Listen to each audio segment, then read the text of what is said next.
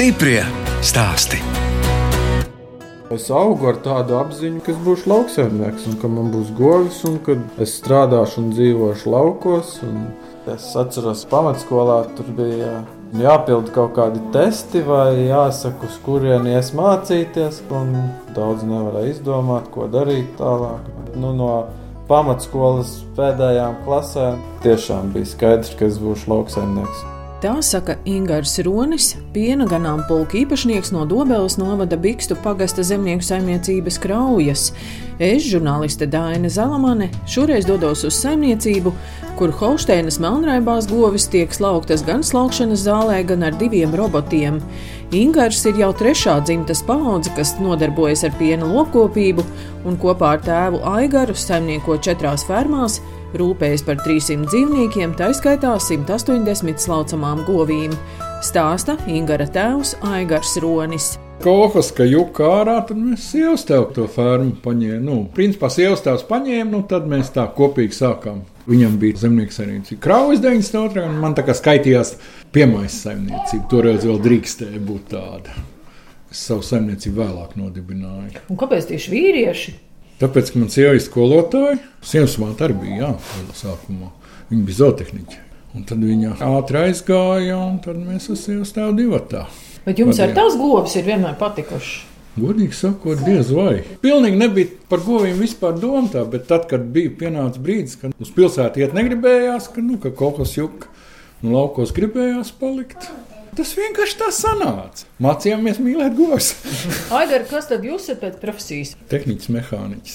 Kā tagad ar tām jūsu zināšanām, jūs tur fermā arī kaut ko tur varat pierādīt? Nu, teiksim, mehānisko daļu jau var teikt, jā, pa elektronisko daļu tur, teiksim, vairāk jāsauc palīgi, bet pa mehānisko daļu tur problēmas nav. Arī pa traktoriem, pa visiem. Ingar, tātad jūs esat trešā paudze, kas jā. nodarbojas ar pienu lopkopību. Nu, tā sanāk. Bērnībā uz kūtas gāju īstenībā laikam maz ļoti. Vairāk tepat pa māju, pa garāžu. No bērnības es visvairāk atceros tās dienas, kad laida govis ganos un bija jāvāc sienas un salmi ķīpās. Un tur bija ļoti daudz cilvēku vajadzīgi, lai to darbu izdarītu. Jo Tā ķīpa bija no lauka, jāieceļ piekabē, tad no piekabes kūts augšā, tad pa kūts augšu vēl cilvēku ķēdīta līdz otram galam. Tas bija šausmīgs cilvēku darbs, to sienu ķīpās vākt. Un kā jūs piedabūjāt to dēlu, ka viņam interesēja? Pats piedabūjās. Speciāli man te neturēja. Ne. Lielākoties tagad tomēr laukos, taču pāriet uz gaļas lopiem. Man patīk piena lopkopība, un es domāju, ka var arī diezgan labi nopelnīt. Protams, strādājot mūsdienīgi un ražīgi. Ar robotiem. Ingaram intervijas dienā mugurā ir krekliņš ar uzrakstu saimnieks. To viņam uzdāvinājusi sieva Baiva. Mēs smejoties citreiz viņu saucam par saimnieku ģimenes lokā un draugu lokā ka saimnieks aizņemts, saimnieks tāds ļoti, ļoti atbilstoši. Bet ir jau ar saimnieks, vai ne? nu, ir, ir, jā. nu, neko citu jau tur nevarētu rakstīt. No kurienes tad jūs esat arī vietējā meitene? Nē, mēs Jālgavā iepazināmies dejošanā, tautas dejas dejojām. Un pēc tam pirmie gadi pa Jālgavu, un tad pieteicās Kārlis, un tad jau bija skaidrs, ka es Ingaru nekur citur nedabūšu. aizvilkt prom, vai no, tas būtu pirmkārt nepieklājīgi, un otrkārt man nemaz to negribētos darīt. Skaidrs bija tas, ka es nākšu pie viņa dzīvot. Un no kurienes jūs pat esat? Dzimusi Valkā līdz 11 gadiem mēros, tas ir pie Smiltenes. Un tad mēs ar ģimeni pārvācāmies uz Jāgaunu. Un tad no Jāgaunas redz, kur jau tuvu kurzemē. Un kādu krekliņu baigai vajadzētu ar kādu uzrakstu? Best wife in the galaxy. Labākā sieva galaktikā. Jā, jā vienkārši tāds ir. Es viņai tādu uzdāvināju. Baiba, un ko te jūs studējāt Lauksaimniecības universitātē? Pedagoģija, maģistrantūra, pedagoģija. Es esmu pirmsskolas audzinātāja. Nu, tad pilnīgi atbilstoša trīs bērnu mammai, vai jā, ne? Jā. Profesija ir izmantot šobrīd. Ingar, un ko tad jūs pats kādā specialitātē Lauksaimniecības universitātē. Otrā līmeņa profesionāla augstākā izglītība lauksaimniecībā. uzņēmē darbību ar specializāciju lopkopībā.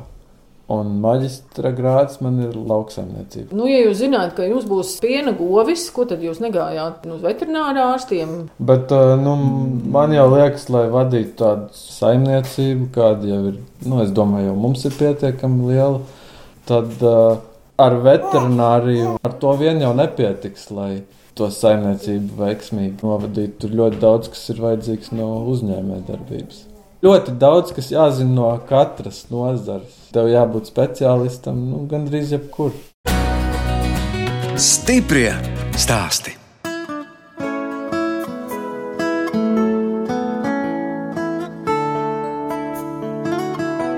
Jūs klausāties raidījuma stipri stāstī. Šoreiz ciemojos pie Ingūna Roņa un viņa tēva Aigara Roņa, Dobelas novada Bikstu pagastā. Katram ir sava zemnieku saimniecība, kraujas un koklis, bet četrās fermās abi saimnieko kopīgi un audzē 300 holšteinas melnraibos dzīvniekus, tā skaitā 180 slaucamas govis. Dzīvnieki atrodas gan kolhozu laikā celtajā kūtī, gan mūsdienu prasībām atbilstošā fermā, kur uzstādīti divi slaukšanas roboti.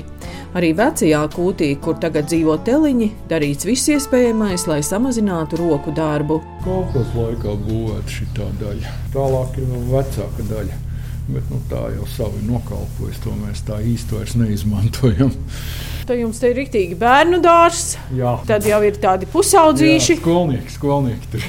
Un tiešām viņi uzvedās ar tā kā mazi bērni, vai ne? Tur ļepa to. jā, jā. Un tur mēs dabūjām maksimāli labāko, ko varēja no šīs fermas vēl dabūt. Nu, uztaisot šitos aplociņus mazajiem teliņiem. Nu, ja viņiem ir kur paskrieties, Jā, ir brīvs, savs. Ja mums šajā pusē ir sadalīti pa aplociņiem. Vienā aplociņā apmēram viena mēneša ietvaros dzimuši teļi. Tad tur ir sākot no 4 mēnešu līdz 9. Tad te ir uh, no 10 līdz 15, un te no 15 uz augšu. Un kāpēc svarīgi pa tiem vecumiem sadalīt, lai nedara viens otram pāri? Jā, nu, ja viens būs stiprāks, viņš tos vājos nodzīs no barības galda un pats visu apēdīs. Tā jau ir tā cīņa par izdzīvošanu, vai ne? Diemžēl tādi viņi ir jā, visā, visās jomās. Ir tos aplociņus, kur ar traktoriņu to mazo, ko jūs redzējāt, Ah. tur iebraukt un viss iztīrīt. Tāpat arī salmu rulli ar traktoru jāved iekšā pakaļ. Tas ir visā garumā var izbraukt cauri ar traktoriņu. Tādi veselīgi izskatās. Bet tikko dzimušie teliņi stāv boksos jaunajā kūtī. Re, Tas ir tikko piedzimis, viņam ir sildlampiņa. Celsies augšā, kādas mazas kājiņas. Nu, cik tad šis ir vecs? Un vienu dienu. Viena Vēl diena. nav varbūt. Un kas te viņam te jau ir sagatavots? Dzeramais. Tas ir, tas ir pirmpiens, nedaudz paskābināts. Diennakti ir pieejams priekšā. Cik brīnišķīga balstiņa. Kā viņam tās kājas slīd? Šitam nemaz vairs kājas neslīd, vai ne? Jā. Dažas dienas vecāks. Par izslauktā piena daudzumu liecina lielās piena tvertnes. Piena mājā var uzglabāt 4-5 tonnas piena, ko divās dienās izslauc no 60 govīm. Te būs uh, līdz 100 govīm slaucamām. Plānojam tuvākajā laikā šajā fermā pie slaukšanas zāles. Tad jau droši vien, ka nepietiks divām dienām šis baseiniņš. Tā ir slaukšanas zāle, 14 vietām. Skoņa divreiz septiņi un diezgan moderni vēl joprojām. Šito mēs uzbūvējām fermu 2012. gadā. Nu, likās, tad jau gana daudz pietiek, kamēr vēl dabūsim viņu pilnu. Un, uh, tas diezgan ātri notika. Un, uh, tad mums vajadzēja vietu, kur turēt cietstāvošās govis, jo tām ir vajadzīgs maksimālais komforts. Tad nonācām pie tāda secinājuma, ka jābūvē ir vēl viena ferma. Jaunajā fermā, kur pienu slauc ar diviem robotiem, atrodas piena tvertne ar 10 tonu ietilpību. Šobrīd diviem robotiem divām dienām pietiek, bet baigi lielā rezervīta nav. Kas tur tā skan tagad? Tur automātiski rūtas vakumsūknis un, Sūknē pienu. jā, un kompresors, kas nodrošina robotu sistēmai visu darbību. Tā ir tāda forša lieta, kad uh, piens no gotiņas nāk pa trūkām, reku šito trūkumu atnāk, iziet caur filtriņu. Tad viņš iet caur tādu tā kā priekšdesētāju, kur tas piens tiek nedaudz atdzesēts un ūdens nedaudz uzsildīts. Un to nedaudz uzsildīto ūdeni uzkrāja tajā pelēkajā tvertnē. No tās tvertnes ūdens iet uz dzirdnēm, govīm, lai viņām nebūtu jādzer pilnīgi augsts ūdens. Iesim uz jauno kūti. Ja? Tur jau bija jaunās kūtas, Sākās, jau, Jā. sākās jau. Jā. Tā iepriekšējā kūts bija tāda vairāk no metāla. Ja? Šī ir vairāk Metāla- koka. Metāla stābi un koka sīra. Bet uzreiz tā Izskatās izskatās. labāk. Daudz Jā, labāk, jā. Ir ierasta lieta, ka govīm ir tie klipši ar tiem numuriem, jā, jā. jo Jā. tas ir tā govs pāraudzībā. Bet Nu, kas tas ir jā, reģistrācijas numurs, identifikācijas numurs. Jā, viņai, bet kāpēc tā kā- jums jau govīm ir tādas tā kā Nu, kaklarotas? tā kakla siksna ir vajadzīga, lai tas zaļais čips pēc tā viņa ieiet tajā robotā, tad viņi atpazīst, ka tā ir tā konkrētā govs. Un vēl viņš rāda, cik ilgi govs ēd. Un tad uh, es no sava telefona vai datorā varu redzēt, viņš uzreiz parāda paziņojumu, tāda un tāda govs ir ar paaugstinātu aktivitāti. Viņi meklējās, vajadzētu sēklot, vai tāda un tāda govs tik un tik stundas nav ēdusi. Vai tāda un tāda govs ēd mazāk kā iepriekšējās divas dienas. Tad viņai pievērš vienkārši uzmanību. Vai nu viņa ir saslimusi, vai kādas citas problēmas, un tad ātrāk var novērst. Jums arī gotiņām ir ļoti labi izlaukumi. Salīdzinoši labi, bet uh, es neteikšu, Nu, nu, ka cik- tas ir vēl maksimums. Te robotā mums šobrīd ir uh, 42, 43 litri vidējais izslaukums. Slaukšanas zālē ir bišķi mazāk, un gadā droši vien ka ir 11,5 kaut kur tonnas no govs. Govs ar savu izslaukumu parādīs, cik labi Cik mēs labi to esam izdarījuši. strādājuši. Tas ir vienkārši gala rezultāts visam Tāds mūsu darbam. Tā. konkrēts cipars jau nav tāds. Vienkārši apzināties, ko mēs vēl paši varam. Teorētiski var sapīt kaut kādas piedevas uzcelt momentā, bet nu, mums jau vajag, lai tā govs būtu vesela, labi justos. Nu, tad jau tas izlaukums būs. Tāda speciāli teiksim, ka mums tieši tik un tik litri jādabū par katru cenu. Nu, tā īsti tāda mērķa mums nav. Šeit ir nepiecietā turēšana. Tas nozīmē, ka govis vasarā tad jau arī dodas ārā. Ja Nedodās nedodas nekur. vispār. Nē, kūtu ā, pastaigā. Manā skatījumā, ja vasarā viņas laiž ārā, nu, tur ir mušas, dunduri, karstums, un vējš un lietus. Ja grib izslaukt diezgan lielu daudzumu piena no tās govs, tad jau izlaižot ārā, mēs jau nezinām īsti, cik daudz un ko viņi tur apēd tajās ganībās. Vai viņai pietiek tur tā barība vai nepietiek. Un te reku mēs uz garības galda iedodam tieši to, kas viņai ir vajadzīgs. Un fermā ir tas klimats arī labāks. Viņai nav karsts, te ir uh, visu laiku kaut kāda vēja plūsma, mušas arī te nav. Saula virsū nespīd. Viņi tāpat var iet, pagulēt, paēst, paslaukties. Nu, viņam tāpat dzīvo brīvi. Viens robots teiksim, var izslaukt 60 govis, bet tas ir 24 stundas. Viņam ir jāstrādā. Ja viņas pusdiena būs ganībās, Nekāda matemātika vairs neiet kopā. Jā. Jūs jau teicāt, ka jūs arī pie tās ģenētikas daudz strādājat. Nu, strādājam, jā. Vidzemes veterināro servisu. Viens ganāmpulks, otrs ar jaunpilsētu. Interesanti, kāpēc tā? Var salīdzināt. Nu, sākumā bija tikai jaunpils, un tad vienu ganāmpulku pārgājām uz vidzemes veterināro servisu ar Amerikas ģenētiku. Nu, tad var salīdzināt. Nu, un kurš tad ir labāks? Vienu brīdi bija tā kā no vidzemes veterinārā servisa ņemta ganāmpulkam bija 1 līdz 2 litri dienā izslaukums lielāks. Bet šobrīd varētu teikt, ka ir Nu, jau stipri līdzīgi. Fermā ir divi roboti, un pie viena pat rindā stāv divas govis. Ingūns Ronis stāsta, kādu informāciju var izlasīt datorā. Te var redzēt, kas te mums jānāca pa govi. 2, 2, 4. Jā, vārdiņš rekur. Norva. Nu, tad viņš tā kā pieregulē, lai viņš stāvētu pareizā vietā, lai rokai ir vieglāk uzlikt to aparātu. Tad šeit uzspiežot virsū var redzēt, cik ātri no katra ceturkšņa tek tas piens, ar kādu temperatūru, cik jau tur ir iztecējis un cik ilgi slaucās, krāsas sensors un elektrovadītspēja. Nu, es saprotu, tā, ja deg zaļa gaismiņa, tad viss ir kārtībā. Jā. Ja kaut kas nebūtu kārtībā, tad tur iedeg to sarkanu. Jā, tā ir ā, sarakstīns, kurām govīm ir atļauja nākt uz robotu. Reku, nu, Nu, un ja nav atļauja nākt, nu, tad viņi izlaiž ārā vienkārši. Šīs trīs gotiņas. Tā nav bijusi 17 stundas slaukties, nu, un šobrīd viņai būtu jāiedod 27 kg piens. Nu, šī nākamā nav bijusi 16 stundas, bet viņai prognozētais piens ir 10 litri. Nu, to es varbūt nemaz neaiztiktu. Viņa pati atnāks pēc stundas, varbūt.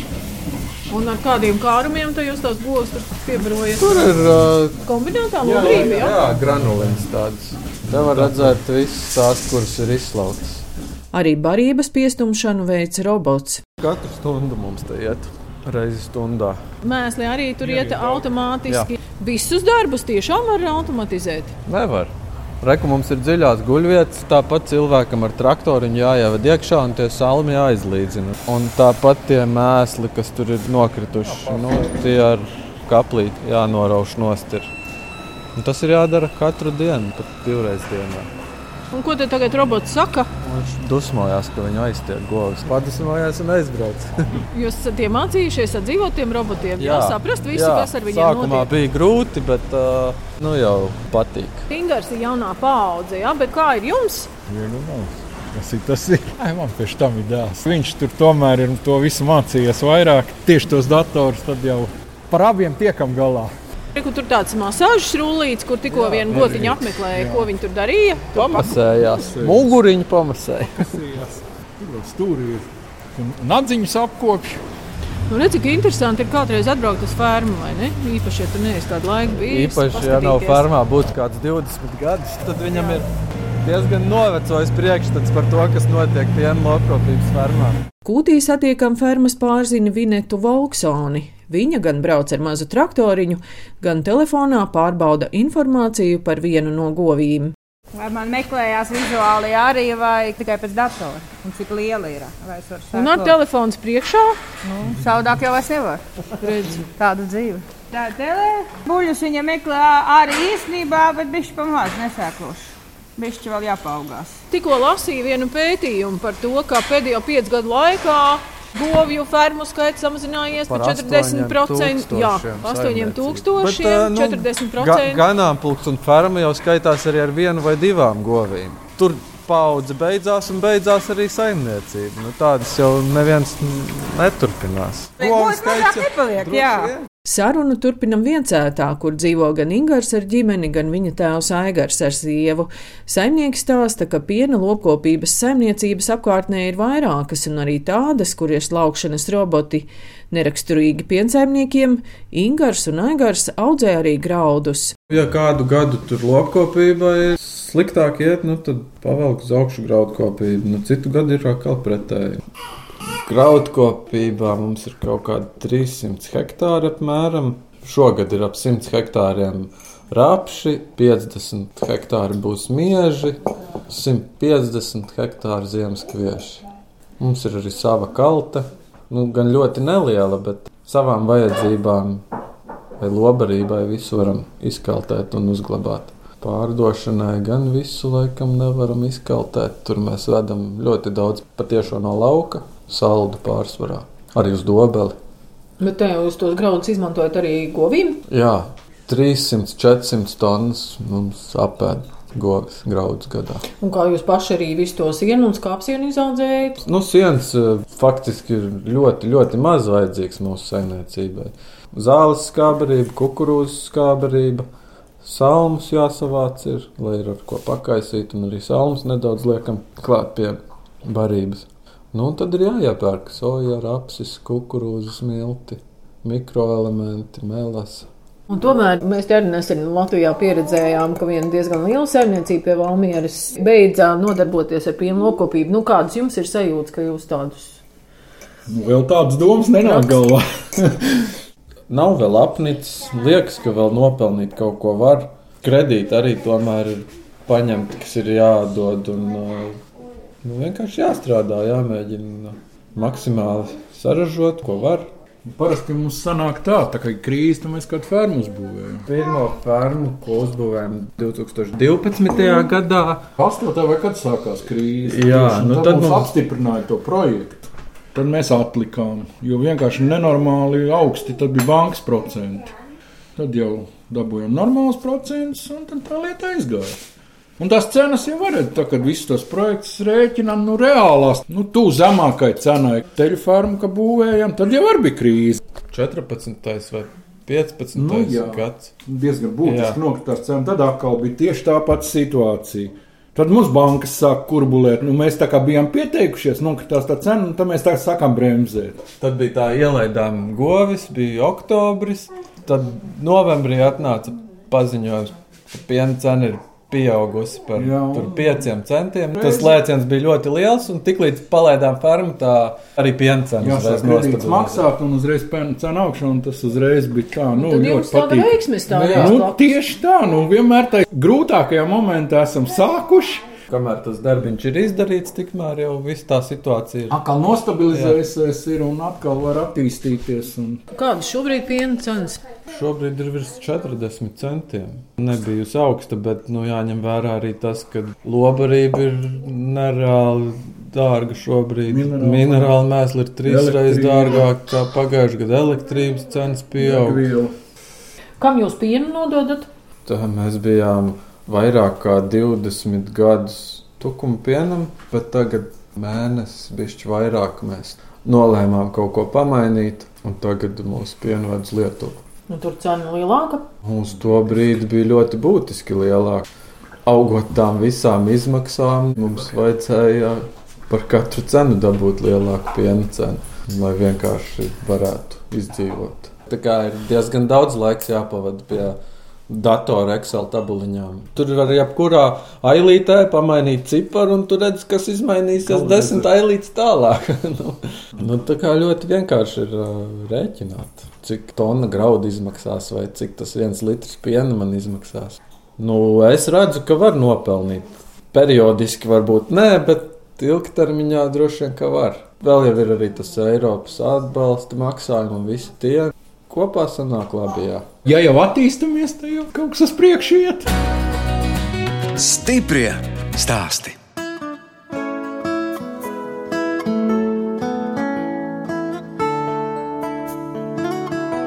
Jūs klausāties raidījuma stiprie stāsti. Turpinot ciemoties pie tēva un dēla, Aigara un Ingara roņiem Dobeles novada Bikstu pagastā. Viņi izveidojuši Holšteinas melnraibo govju ganāmpulku un jaunajā kūtī govis slauc ar robotiem, bet no darba brīvajā laikā Ingars un viņas sieva Baiba arī audzina trīs bērnus - sešgadīgo Kārli, četrus gadus veco Anci un nepilnu gadu veco Undīni un dejot tautas dēļas. Mēs dejojām pirms piedzima undīna.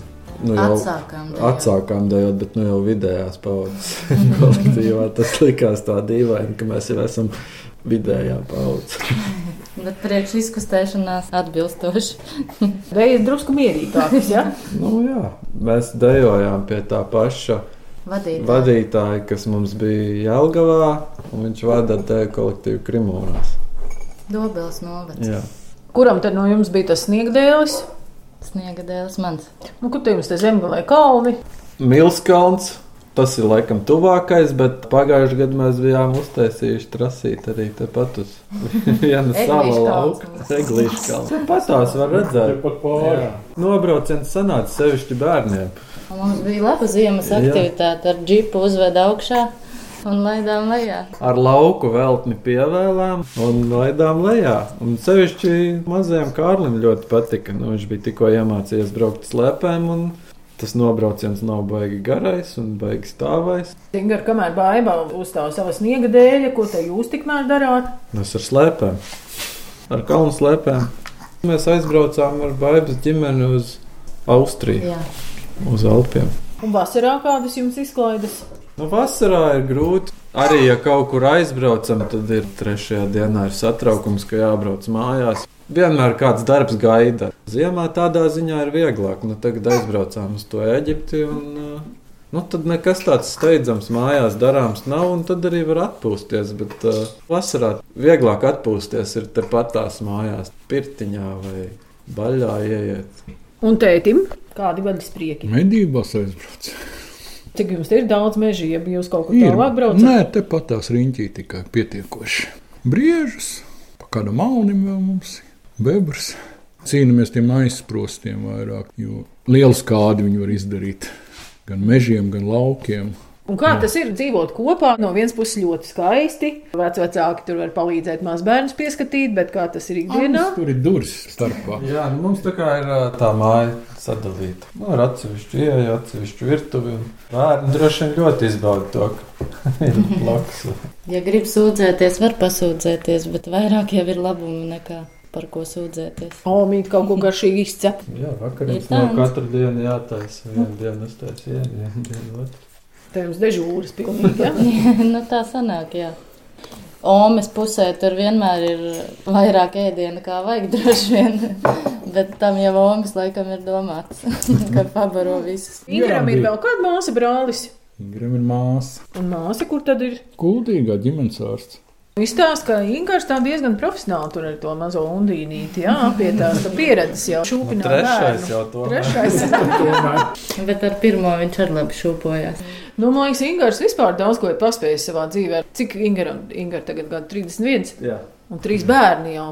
Mēs izreikinājām, ka mums būs 50 gadi, tad visi bērni būs pilngadīgi. Vēl man viens tradicionālais jautājums par tiem sapņiem, par nākotnes plāniem. Vēl vairāk govis. Nedaudz vairāk, kādu simtiņu vairāk. Nu, tā jau būs 280. 300 tāds apakšs skaitlis izklausās. Ļoti gribētos vēl kādu zemes gabalu nopirkt, kas man liekas, šobrīd ir ļoti grūti, ļoti dārgi. Un, nu, un tur, kur tajā fermā, kur mēs bijām, kur tie divi roboti, es gribētu vēl divus. To fermu varētu nedaudz pagarināt. Jo šobrīd ir tā, ja apstājās viens robotiņš, tad viss tā goju grupiņa netiek slaukties. Tad, ja apstājās viens, tad vismaz viens vēl ir pieejams govī. Nu, labi, tas par to ražošanu un personiskajā dzīvē. Personiskajā dzīvē jāizaudzina bērni, jāpalaiž skolā. Kārlim jāsāk rudenī iet skolā. Šķiet, ka viņš ir maziņš, maziņš, bet Pasaka, manās. rēķinājām, ka Ansai arī jau pēc divi gadi uz skolu jāiet. Varbūt kāds nodarbosies ar piena lopkopību. Jācer, jācer, ka Nu, Kārlis pagaidām ir ļoti atspēries, sekot tēta pēdām. Dievs mācīties tikai uz lauksaimniecību. Zinu visas traktoru markas, un pirmie vārdi jau bija Manitou, John Deere un visi pārējie. tepat ir šosei, mēs jebkur varam aizbraukt, jebkurā laikā. Vienīgā atšķirība no pilsētas ir tas, ka mēs ar kājām nekur nevaram tikt. Bet, ja mums ir mašīna, tad mums ir viss pieejams tas pats, kas pilsētniekiem. Tikai bišķi jāpabrauc. Baibas māsas bieži brauc šeit, mēs pie viņiem. Jā. Tā kā mums ir tas savs bērnu dārzs jau. Pirmo Covid laiku vispār, man liekas, te dzīvoja man māsas, viņām ir bērni. Kā pasakā dzīvojām, tādā ziņā, ka visi ir kopā, visi ir drošībā un visi Nevar iedomāties, kā būtu, ja būtu jādzīvo pilsētā. Ja ir arī tie sadzīves apstākļi, tāda skaista piebūve uzbūvēta ar siltām grīdām. Nu, jā, protams, ir labi. Tāpat pirtiņa blakām. To mēs arī pagājušajā gadā rekonstruējām. Jā. Un granulu katls, jā. Jā. nav gāze. Šobrīd tas ļoti aktuāli. Nē, nu mums bija grūti ar to malku. Kārlis bija maziņš un uh, bija nu, pa naktīm jāceļās, jāpiekurina, lai silti būtu. Tagad ir viena reize nedēļā jāuzpilda bunkurs ar granulām, un vienu reizi mēnesī jāiztīra pelni. Tik cik jānopērk tās granulas. Lauki ir zaļi, klusums. Tā ir laba vieta, kur uh, pavadīt gan brīvo laiku, gan atpūsties, gan dzīvot, veidot ģimeni, savu māju būvēt.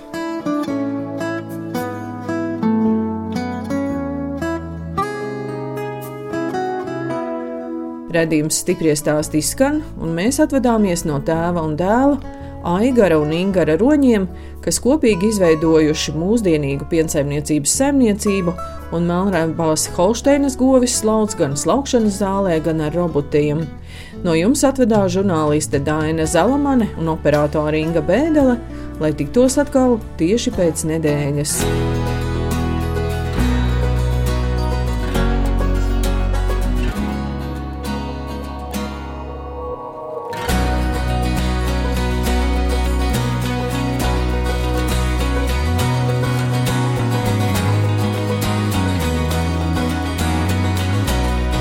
Stiprie stāsti.